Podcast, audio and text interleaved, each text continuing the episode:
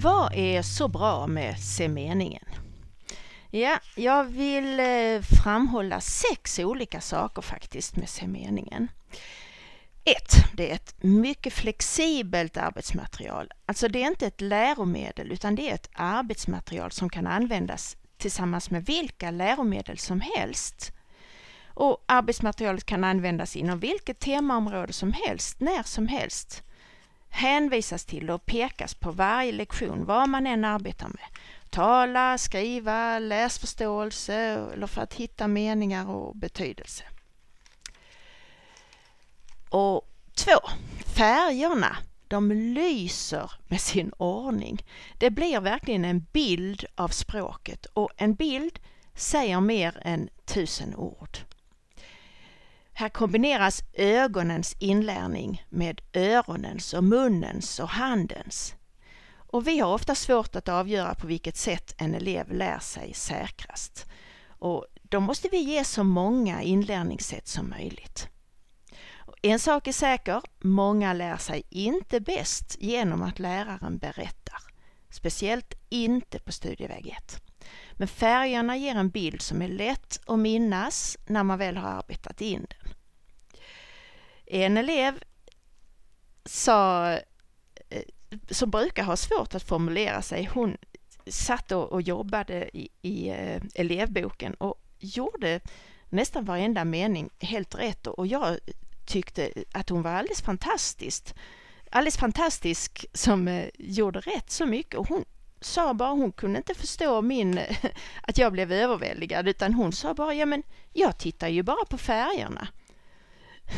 Och en annan elev, han sa att, ja men det är inte svårt att skriva för jag bara tänker i vilken färg det var. Jag tänker, jag har den bilden i huvudet. Och eh, ja, det är precis så det är tänkt att fungera. Tre.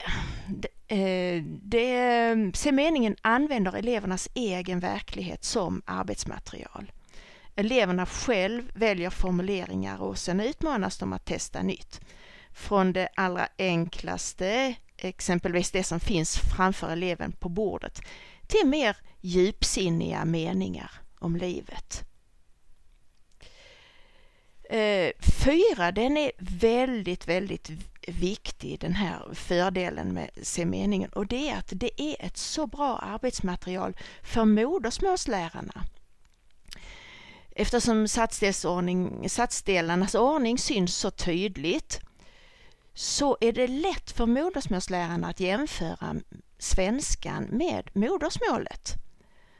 Var kommer verbet alltså grön, i svenskan. Och titta, här kommer verbet i vårt språk. Det flyttar vi hit, ser du. Det är viktigt att komma ihåg. Så, så kan man prata om eh, språkens olika uppbyggnad genom att på ett så enkelt sätt bara flytta färgerna. Eh, och sen läraren kan ju också jämföra svenskans till exempel omvända ordföljd med engelskan. Om eleverna kan engelska alltså. Och då är det den vanliga SFI-läraren som kan göra det. Och då blir det tydligare också att förstå varför man inte bara kan prata rakt över från engelskan eh, utan man måste vända på det. Och genom att börja med tid och plats på eh, plats ett och sen verbet på plats två så har man börjat eh, den inlärningen som är att när överhuvudtaget något annat kommer på plats ett så blir det omvänd ordföljd och då kan det ju vara en hel bisats som kommer på plats ett eller det kan vara bara ett litet ord som till exempel därför och överhuvudtaget när det kommer något annat, vare sig det är olika adverbial eller det är, en hel bisats eller så, så kommer ju så måste ju alltid subjekt och verb byta plats, för verbet måste ju alltid komma på plats två. Och det har ju ni naturligtvis tjatat på många olika sätt, men det blir väldigt tydligt i alla fall när man använder de här färgerna i semeningen och med satshälsormarna. Då kommer vi till femman. Det är lätt att få kontinuitet eftersom det passar tillsammans med vilka läroböcker som helst. Och på en skola används ju olika läroböcker.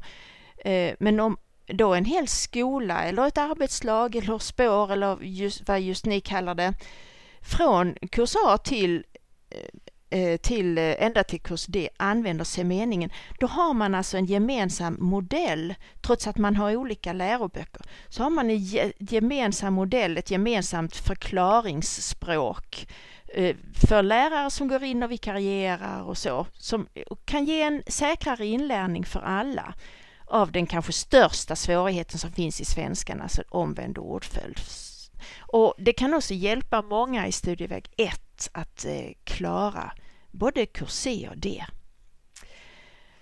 Och så har vi sexan. Du har alltid någon att fråga. Först och främst så kan du ju fråga lärarhandledningen.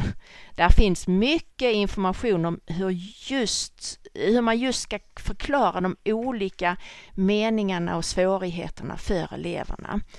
Eh, så där, där är mycket att gräva i. Du kan också, om ni jobbar tillsammans, prata med varandra såklart. Många gånger är kollegorna den bästa resursen. Mm, och du kan också skicka ett mejl till mig på Kristina med ch, Kristina snabbela meningsfullt.com så svarar jag. Och efterhand ska jag lägga upp vanliga frågor på hemsidan för Meningsfullt förlag där svar och tips också kommer att finnas. Jag hoppas också på kontakter och tips från alla som använder C-meningen. Från SVA-lärare på mellanstadiet och högstadiet och gymnasiet och SFI och komvux. Lycka till!